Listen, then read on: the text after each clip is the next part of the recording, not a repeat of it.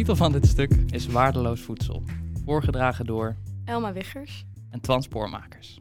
in de 24e editie van Twijfel. Wanneer je vandaag de dag naar de supermarkt gaat, word je omringd door producten met raadselachtige allures.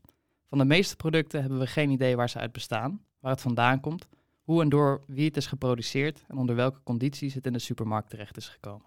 Zo zijn er tientallen soorten broden met verschillende prijzen, zonder te begrijpen waar deze verschillen precies uit voortkomen.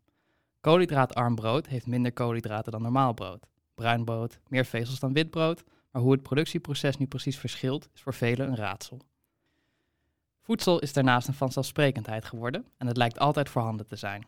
Wanneer we in de winter geen aardbeien kunnen krijgen, vinden we dit schandalig. Dat aardbeien niet in de winter groeien, lijkt slechts een detail. De vanzelfsprekende voorhandenheid van voedsel blijkt ook uit de manier waarop we ermee omgaan. Het is altijd en overal aanwezig, wat maakt dat we er niet zuinig op hoeven te zijn en het zonder schuldgevoel kunnen verspillen. Zo wordt een derde van het geproduceerde voedsel wereldwijd weggegooid. Dit alles wijst op een verstoorde relatie tot ons voedsel. Het lijkt ons vreemd en daarmee waardeloos te zijn geworden. Volgens Robin Wall Kimmerer, professor in milieuwetenschap en tevens lid van de inheemse Amerikaanse gemeenschap Potawatomi Nation, is deze afstandelijke relatie tot ons voedsel een symptoom van een grotere disbalans, namelijk die tussen mens en natuur. In haar boek Braiding Sweetgrass zet ze de westerse cultuur en wet- wetenschap af tegen de cultuur en kennis van de inheems-Amerikaanse traditie. In haar boek laat ze zien hoe en waarom onze relatie met de natuur zo verstoord is geraakt en hoe deze er volgens haar wel uit zou moeten zien. Kimmerer beschouwt voedsel als een vergift van de natuur en volgens haar bestaat er een onderling afhankelijke relatie tussen de natuur en de mens. De mens verzorgt de grond, plant de zaadjes en oogst wanneer zij volgoed zijn. Allemaal zodat de natuur kan bloeien. Hoe beter we dit doen, hoe mooier het product is dat we van de natuur terugkrijgen. Kimmerer spreekt ook wel van mutual flourishing, wederzijdse bloei. Wanneer de natuur bloeit, floreren wij ook. Kimmerer begint haar boek met de oorsprongsmythe waarmee zij is opgegroeid: het verhaal van de luchtvrouw.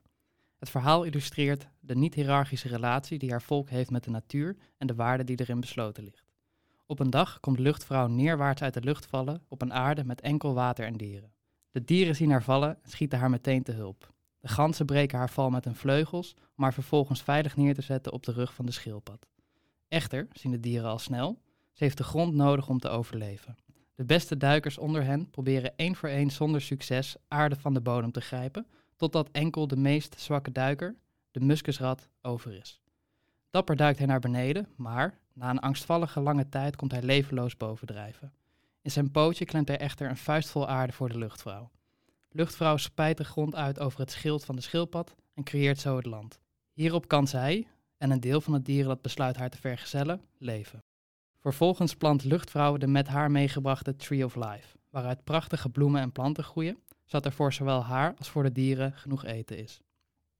Daarnaast blijkt Luchtvrouw zwanger en schenkt zo niet enkel leven aan land, maar ook aan de eerste mensen. Natuur en het leven wordt in dit verhaal geschapen door samenwerking tussen de dieren en de mens. Zonder de dieren had ze het land nooit kunnen scheppen en zonder haar was er niet genoeg eten geweest om van op het land van te kunnen leven. Het verhaal van de luchtvrouw is een verhaal voor harmonie en wederzijdse bloei en laat de noodzakelijkheid zien van samenwerking tussen mens en natuur om leven te stichten en te behouden. Het is een verhaal vol harmonie en wederzijdse bloei. Bovenstaand verhaal staat in schril contrast met het verhaal van Adam en Eva, het scheppingsverhaal van het christendom. In dit verhaal vindt Kimmerer het fundament van de verstoorde relatie tussen mens en natuur. Binnen het christendom is er geen sprake van een samenwerking tussen mens en natuur. Is voedsel geen gift en is de natuur niet magisch of waardevol? In het verhaal van Adam en Eva wordt de natuur ontdaan van haar magie en harmonie en blijkt enkel een plek van verbanning, schande en straf. Natuur wordt gereduceerd tot iets waar de mens boven verheven is, die geëxploiteerd kan worden en in bedwang gehouden moet worden. En enkel een middel is tot een groter doel: overleven totdat we in de hemel onze ware bestemming bereiken. Naarmate de millennia vorderden, werd het gevoel van superioriteit van de westerse moderne mens tegenover de natuur alleen maar groter. Hoe meer grip we kregen op de natuur, hoe meer het superioriteitsgevoel groeide. Vooral de verlichting speelde hierin een sleutelrol. Hoe meer de wereld gereduceerd werd tot de menselijke ratio, hoe makkelijker de mens zichzelf een superieure positie toe-eigende. Een treffende illustratie vinden we in het werk van de verlichtingsfilosoof Francis Bacon. Hij wilde de natuur op de pijnbank leggen om zo haar geheimen te ontfutselen. De natuur was enkel een speelbal van de mens. Het zal niet verrassen dat uit deze door Kimmerer geschetste westerse relatie tussen mens en natuur een economisch systeem volgt dat zich volledig baseert op uitbuiting, het kapitalisme. Met name door de landbouwmechanisatie als gevolg van de industriële revolutie heeft de uitbuiting extreme vormen aangenomen. Zo is het boer zijn en het bijhorende vakmanschap steeds meer veranderd in het besturen van een landbouwmachine. Daarmee is de boer doof geworden voor wat het land te zeggen heeft en is de natuur monddood gemaakt. Ondanks dat voedselproductie veel vergt van de natuur, zijn we niet in staat ons voedsel te waarderen. Met behulp van Karl Marx' idee van de ware vorm kan dit worden verklaard. Volgens Marx transformeert de vrije markt arbeidsproducten, waaronder voedsel, in waren. Waar in pre-kapitalistische tijden voedsel werd geproduceerd voor het eigen gebruik of de gemeenschap, zijn waren bedoeld voor de handel. Als gevolg verandert de waarde van het product. Zo wordt de gebruikswaarde van het arbeidsproduct, oftewel de mate waarin het natuurlijke behoefte vervult, overheerst door de ruilwaarde, uitgedrukt in geld. Ook de arbeid die besloten ligt in het product blijft in de ware vorm niet ongeschonden. In het arbeidsproduct kan de arbeider nog iets van zichzelf herkennen, terwijl arbeid als zelfexpressie in de ware vorm onmogelijk is geworden. Het kan enkel nog worden gezien als middel tot doel, namelijk handel. Er is sprake van een homogenisering van arbeid, waarin het niet langer gaat om kwaliteit en vakmanschap, maar om kwantiteit en efficiëntie. Deze verandering is mogelijk door arbeid te abstraheren in termen van tijd. Zo krijgt arbeid een prijs, uitgedrukt een uurloon, en beïnvloedt ze zo de uiteindelijke ruilwaarde van het product. Arbeid vindt daarmee volledig plaats in naam van de ruil. Deze overgang van individuele naar abstracte arbeid maakt het mogelijk een kwalitatief onderscheid te maken tussen duurzame landbouw en massale productie. Beide producten belanden immers op dezelfde markt, waar het niet van belang is hoe het wordt geproduceerd, maar hoe snel het kan worden geproduceerd. De waarde van de arbeidsproducten wordt voor Marx dus bepaald door de arbeid die eraan ten grondslag ligt. Wanneer het laatste onzichtbaar wordt, verdwijnt de waarde van het eerste. De transformatie van arbeidsproduct naar waar verandert tevens de blik van de consument op het product. In de ware vorm maakt de consument een afweging tussen de mate waarin deze het product nodig heeft en de prijs van het product. De waarde van het product lijkt te worden bepaald door diens eigenschappen, zoals de mate waarin het verzadigt, de smaak en de aantrekkelijkheid ervan. De onderliggende arbeid en oorsprong is een weinig belangrijk en onduidelijk detail. De uitbuiting van de natuur, die ten grondslag ligt aan de productie van het voedsel, is verduisterd op het moment dat het in de schappen van de supermarkt ligt. Het waar is voor de consument een op zichzelf staand ding met een eigen identiteit, volledig losgezongen van datgene dat de oorspronkelijke waarde bepaalt, natuur en arbeid. Van het samen floreren met de natuur en onze onderling afhankelijke relatie is niets meer over. Enkel de mens floreert en de natuur leidt in stilte.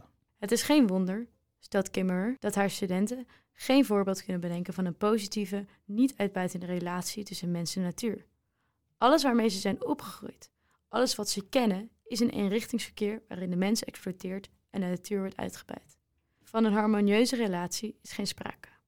Het is tevens geen wonder dat we geen idee hebben waar ons voedsel vandaan komt, wanneer alleen de prijs en de kwantiteit van het product kenbaar is, en niet de relaties die het product mogelijk maken.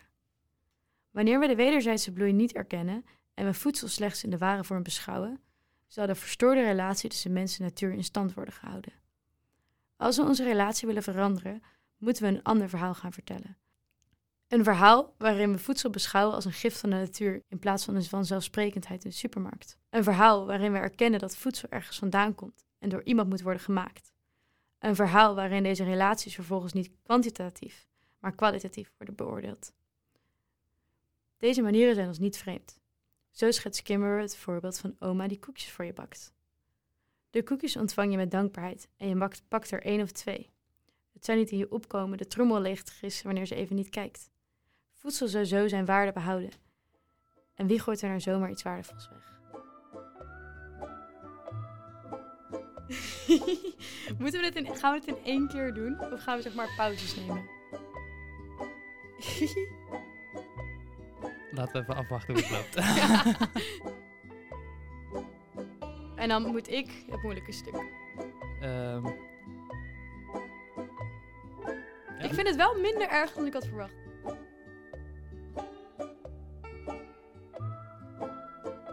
Het is echt als een radio-dj.